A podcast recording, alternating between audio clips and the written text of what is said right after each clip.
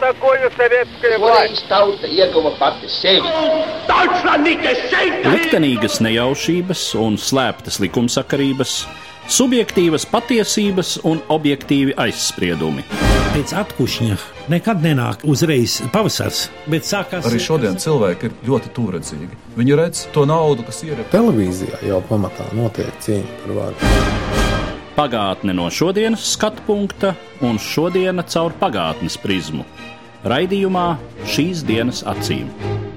Katru svētdienu Latvijas radio ēterā Eduards Liniņš. Labdien, cienījamie klausītāji! Lai cik monumentāla nešķistu figūra 2017. gada reformācijas gada dienas svinību epicentrā, tad reducēta līdz savam pirmsākumam tā izrādās cilvēciska būtne. Vīrs vārdā Mārtiņš Luters, kura tēls audzis un veidojies pustūkstošgades laikā.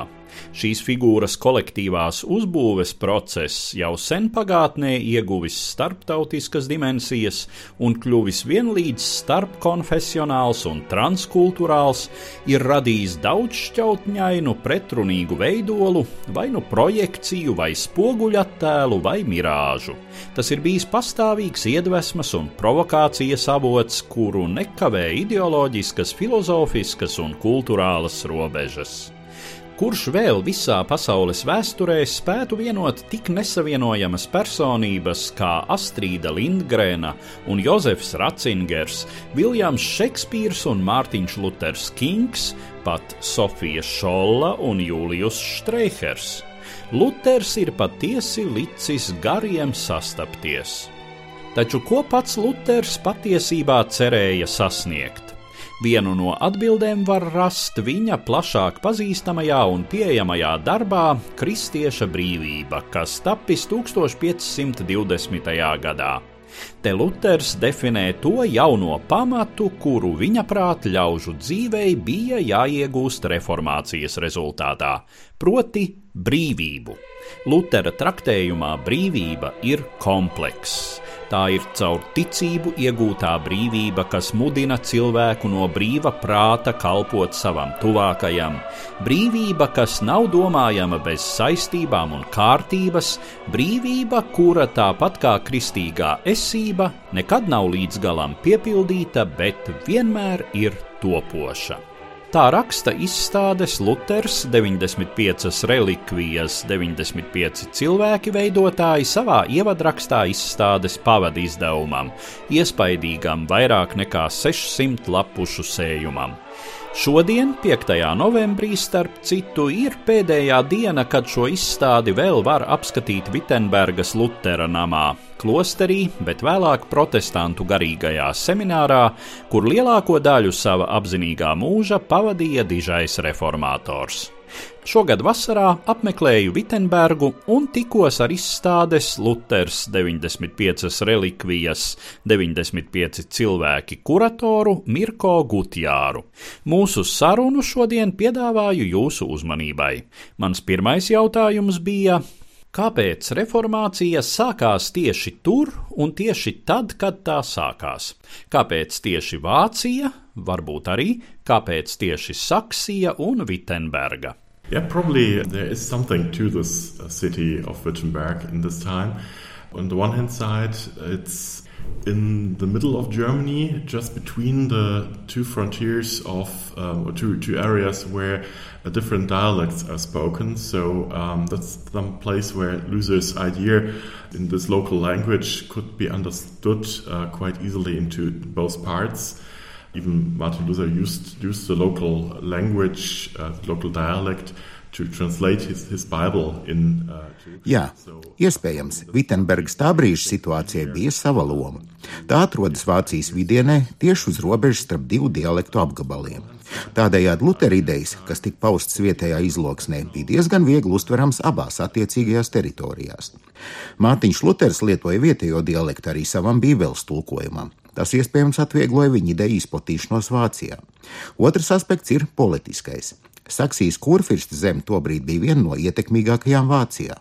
Kurfirs Friedrichs III, saukts gudrais, bija viens no kandidātiem uz Vācijas imperatora troni, un šai ziņā kādu laiku arī pāvesta favorīts, bet tā kā bija jau cienījamos gados, atsauca savu kandidatūru, paredzēdams, ka jaunākiem pretendentiem būs vairāk atbalsta. Tā ka Luters tiešām nāca īstajā laikā un īstajā vietā. Bija vēl vairāk citu faktori. Vitsenberga bija ļoti jauna universitātes pilsēta, kas arī iespējams padarīja vieglāku jaunu ideju ieviešanu. Daudz profesori bija nesen iecelti, gados jauni, ar jaunāku, atvērtāku domāšanu. Viņi šeit bija pulcējušies tādā kā ideju laboratorijā un ar salīdzinoši lielu gatavību pieņēma Lutera idejas. Ko mēs varam teikt par Lutera iespējamajiem priekšgājējiem? Cik daudz viņš zināja un ko domāja par Jānu Husu, par citiem, kurus katoļu baznīca bija atzinusi par ķeceriem? Well, there was a legend going on that John Wycliffe was one of his predecessors, that even his father uh, looked into um, ideas of, of Wycliffe. It's probably only legend. Um, but of course, there is a link to Jan Hus, of course. Um, even so, Martin Luther claimed that he didn't know about uh, Jan Hus before. He uh, was uh, evolving his own ideas. Um, uh, after a while, when he was apparently was uh, told that his ideas were very close to Jan Hus, uh, especially by Johannes Eck um, in the famous disputation of Leipzig. Ir leģenda, ka tāds priekšgājējs bijis Džons Viklifs, ar kuru idejām bijis pazīstams jau Mārtiņa Lutera tēvs. Tā gan iespējams ir tikai leģenda. Saistība ar Janu Husu ir nenoliedzama. Luters pats gan ir apgalvojis, ka nav bijis pazīstams ar Husa idejām, pirms sācis attīstīt savējās, un ka tikai vēlāk viņam norādījuši, ka viņa un Husa idejas ir ļoti tuvas. To īpaši uzsvēra Lutera pretinieks Johans Eks abu slavenajā disputā Leipzigā. Luters, protams, ļoti identificējās ar Janu Husu. Par savu emblēmu viņš izraudzījās gulbi, jo tā laika Vācijā bija ļoti izplatīta leģenda, ka Huss stāvēdams uz sārta esot pareģojis. Tagad jūs cepināsiet zos, bet pēc zos nāks gulbis, kurš dziedās, un viņam jūs netiksiet klāt. Hus tulkojumā no čehu valodas nozīmē zos. Nu, un Luters uzlūkoja sevi kā to gulbi, kur idejas ar sārtu liesmām vairs neiznīcināt. Pāris simt gadus vēlāk tas radīja jaunu leģendu, kad nodega Lutera dzimtā māja Eislēbenā, bet attēls, kurā redzams Luters ar gulbi, nesot sadedzis. Radās leģenda par to, ka tāds attēls spēja pasargāt māju no uguns. Cik liela loma reformācijā bija tieši Mārtiņa Lutera personībai? Vai var teikt, ka ja ne Luters, tad kāds cits to būtu uzsācis? Well, we, we can't look into uh, alternate realities, uh, of course, but of, uh, I think yeah, Luther was the right man for the job since he was uh, someone who didn't back up easily or did not give in uh, very easily because of his personality. And Nu, mēs nevaram ielūkoties alternatīvajā realitātē, bet es domāju, Luters bija īstais vīrs šim darbam. Viņš nebija no tiem, kas viegli piekāpjas, viegli padodas. Piemēram, salīdzinot ar viņa līdzgaitnieku Filipu Melanchtonu, pats Luters ir teicis: Es neprotu apieties tik maigi, kā Filips to prot. Domājams, viņš drīzāk bija gatavs cirst dūri galdā, pacelt balsi, un līdz ar to tolaik tika sadzirdēts. Viņš prat lietot visus savu laiku mēdījus, izplatīt savas domas ar drukāto vārdu, ar attēliem, un tā kā viņš bija tam gatavs, tad viņa idejas izplatījās vieglāk nekā tas bija simts gadus iepriekš Janam Husam, kuram nebija drukas mašīnas, nebija Lukas Krānach, kurš propagandētu viņa idejas gleznās, nebija tā savu laiku aristokrātijas atbalsta, kāds bija Luteram. Kā mēs šodien raugāmies uz šo leģendu par vīru, kurš ar āmuru apstrādā baznīcas durvis Vitsenbergā? The idea of the nailing of the theses themselves are quite legendary, so we're not sure what happened on this day. What you can be sure about is that the image of the nail and hammering of the nailing of the thesis was so strong that it still survived till today because it's very very strong symbol someone hammering against the injustice of the church and uh, mis, mis, well, uh, mis, Jā, šī doma par tēžu pienaglošanu pie baznīcas durvīm ir visai leģendāra, un mēs nevaram droši apgalvot, kas to dienu notika.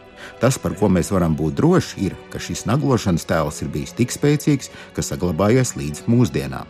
Tas ir simbolisks tēls, kāds, kurš ar āmuru klaudzina pie nekrietnās baznīcas durvīm. Jūs iespējams esat dzirdējis, ka akadēmiskajās aprindās šobrīd ir visai aktīva diskusija par to, vai tas patiešām tā notika, vai iespējams tā ir tikai leģenda. Jāsaka, tas tā varēja notikt, jo tā bija tā laika normāla akadēmiska praksa, izvietot tēzes apskatēji, uzsākot disputu universitātē. Un Lutera sākotnējais mērķis bija diskutēt par indulgenču spēku no akadēmiskās perspektīvas. Viņa doma nebija sašķelt baznīcu, veidot jaunu reliģiju, bet tikai risināt konkrēto teoloģisko problēmu. Tāpat bija tikai normāli, ka tika izmantotas baznīcas durvis, jo šī baznīca tolaik kalpoja arī kā auditorija lekcijām, cik tālu Vitsenbergas universitātei tolaik piederēja tikai viena neliela ēka. Tā ka tobrīd tā varēja būt gluži ierasta rīcība, kas tikai kādu pārsimts gadu laikā ieguva savu simbolisko nozīmi.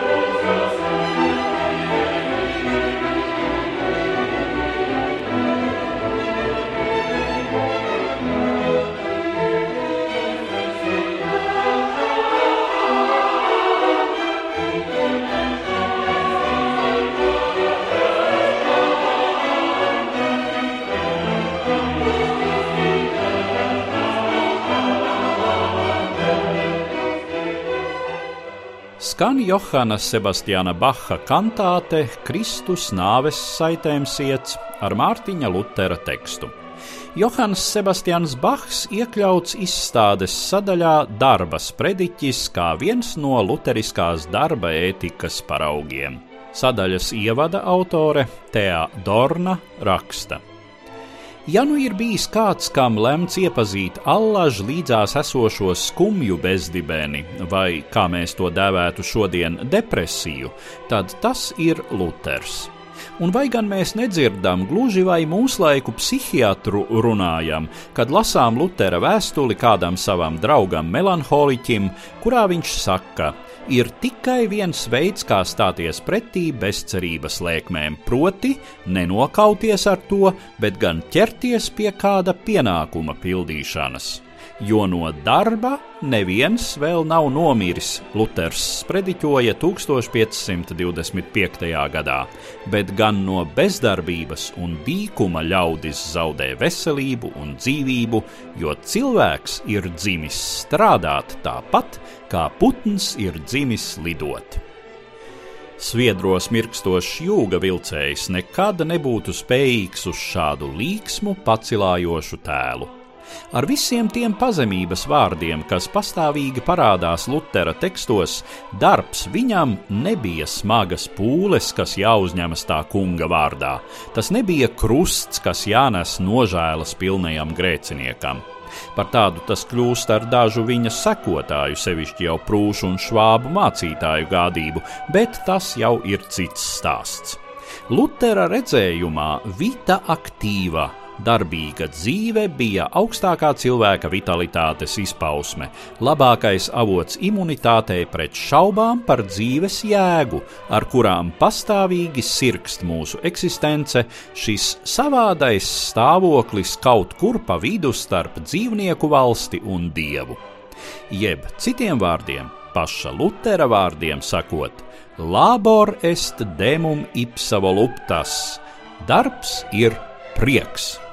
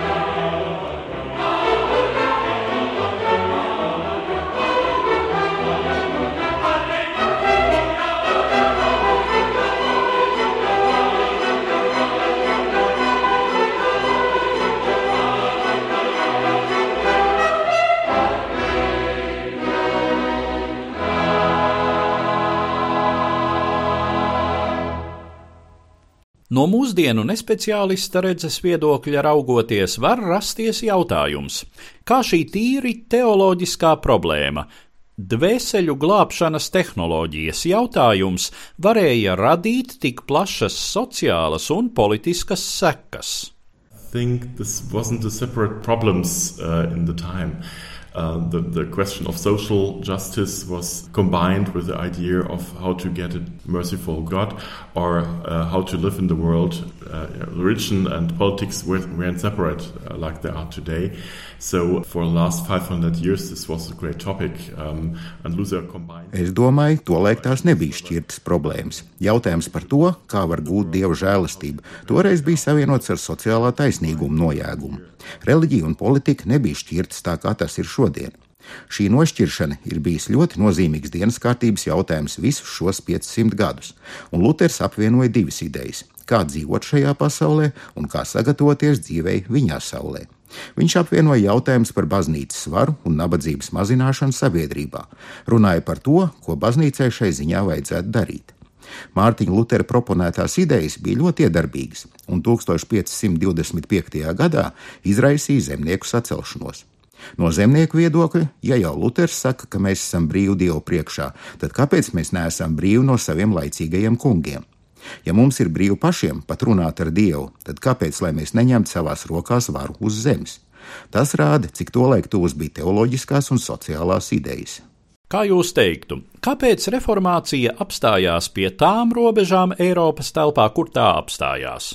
Well, um, I think that's a question which relates to the structure of the Holy Empire as well. Uh, the Holy Empire was evolving as a construction of many, many uh, different power areas, uh, which uh, were having their own momentum, and especially um, Es domāju, šis jautājums ir saistīts arī ar Svētās Romas impērijas uzbūvi. Tā sastāvēja no ļoti daudzām dažādām varas zonām, kurām bija katrai sava virzība. Tas atšķīra tā laika Vāciju no kaimiņu valstīm, kurās vara tomēr bija konsolidētāka. Tāpēc ārpus impērijas reformācija sākotnēji negūta tik strauju attīstību. Iekams paši šo zemi valdnieki nenoslēdzās par labu šīm idejām, kā tas bija piemēram Skandināvijā, vai neuzsāk reformāciju ar gluži politisku mērķi pakļaut baznīcu savai varai, kā arī daudz viet notika. Tā ka reformācijas izplatība daudz viet domājams bija atkarīga no monarhu autoritātes. Kā jūs definētu to nozīmīgāko mantojumu, ko Luters un reformācija ir atstājuši mūsdienu pasaulē? Oh, there are many, many um, things which I could, could tell you there. Uh, for instance, of uh, course, the, the, separation of politics and religion, um, the idea of uh, sciences which were not guarded by, by the church anymore, um, which development of an Um, uh, Par to varētu sacīt ļoti daudz ko. Pirmkārt, politikas un reliģijas nošķīrums. Zinātnes, kuras tika atbrīvotas no baznīcas uzraudzības. Vācu valodas attīstība, Mārtiņa Lutera Bībeles tulkojuma radīja literārās vācu valodas pamatu. Reformācija izraisīja reformu procesu arī katoļu baznīcā, un, protams, visas politiskās ainavas izmaiņas vairāk gadsimtu gaitā, sevišķi 30 gadu kara rezultātā. Pastāstiet vairāk par jūsu izstādes koncepciju. We try to focus on uh, two aspects. One, one aspect is um, what happened in the 16th century, what were, were the ideas of Martin Luther, and how uh, Evolved, how, uh, um... Mēs cenšamies koncentrēties uz diviem aspektiem. Pirmais, kas notika 16. gadsimtā, kādas bija Mārtiņa Lutera idejas, kā tās attīstījās. Kā šis mūks Mārtiņš Luters, kā viņu tolaik šeit dēvēja, kļuva par mums zināmo Mārtiņu Luteru. Pie tā mēs neapstājamies, cenšoties atklāt, kā Mārtiņa Lutera attīstītās idejas turpināja dzīvot nākamajos gadsimtos, kā ļaudis tās pieņēma, kā arī dzen tām pretojās un radīja no tām atšķirīgus viedokļus. Mēs rādām, kā domas, kas tapušas pirms 500 gadiem, ir bijušas aktuālas dažādos laika periodos un ir aktuālas arī šodien. Ik viens, kas arī šodien saskars ar Mārtiņa Lutera idejām, nevar izvairīties no šīs saskaršanās.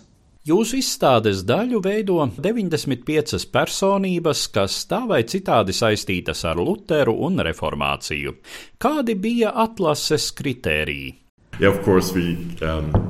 heard many people saying, "Oh, why didn't you take on this pe- this person or this person?" Um, of course, um, we uh, try to to show a spectrum of people. Um, that's why we call that 95 people. Of course, uh, relating to the 95 thesis there, showing um, that's only a small number of people standing for a much much greater number of people which we could include there. But, um, Jā, daudzi jautā, Kāpēc te nav tā cilvēka vai vēl tā cilvēka? Mēs centāmies ietvert personību spektru šais 95 cilvēkos, kas, protams, ir atsaucis uz 95 tēzēm. Tas ir neliels skaits, kas šeit reprezentē potenciāli daudz lielāko skaitu, kur mēs šeit būtu varējuši iekļaut. Taču visiem šiem cilvēkiem ir kāds īpašs aspekts. Mēs šeit tiecāmies veidot savu veidu virtuālu diskusiju par idejām, kuras Luters izvērsa pirms pieciem gadsimtiem. Tiecāmies atklāt, kā šīs idejas bija dzīves un diskutējamas dažādos laikos un dažādos kontinentos, no kuriem šie cilvēki nākuši, kā tās tādas ir arī šodien. Katrs no viņiem ir radījis pats savas idejas, rezonējot ar Mārtiņa Lutera idejām. Te jūs sastapsiet cilvēkus, kurus domājams nebūsiet sagaidījuši, kā piemēram Edvardu Snowdenu. Taču arī šie ļaudis turpina Lutera tradīciju, turpina dzīvot ar idejām, kuras bija jaunas viņa laikā un palika aktuālas vēlākajos laikos. Ekspozīcijas pamatu veido priekšmeti. Mēs rādām šiem ļaudīm piederējušas vai ar tiem saistītas lietas, kuras vislabāk simbolizē ideju, par kuru viņi pastāv. Mēs, piemēram, izstādām oriģinālo Johana Sebastiāna Bacha himnas manuskriptu, kompozīciju ar Mārtiņa Lutera tekstu. Tātad mēs atklājam to saikni, kas pastāv starp Mārtiņu Luteru un katru no šeit atspoguļotajām personībām.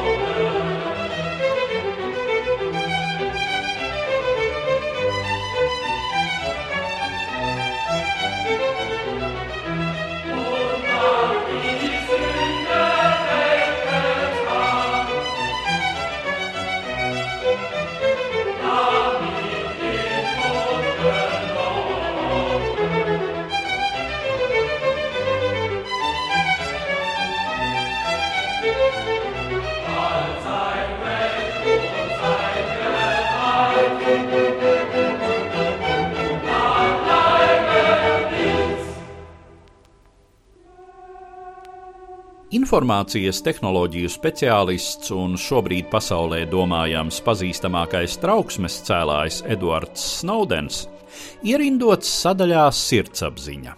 Snowdenam veltītā raksta autors, vācu teologs Benjamins Hasselhorns raksta. Snowdens, tāpat kā Luters pirms viņa, izaicināja sava laika pasaules superlielvaru Luters izgāja cīņā pret katoļu baznīcu, Snowdens pret Amerikas Savienotajām valstīm.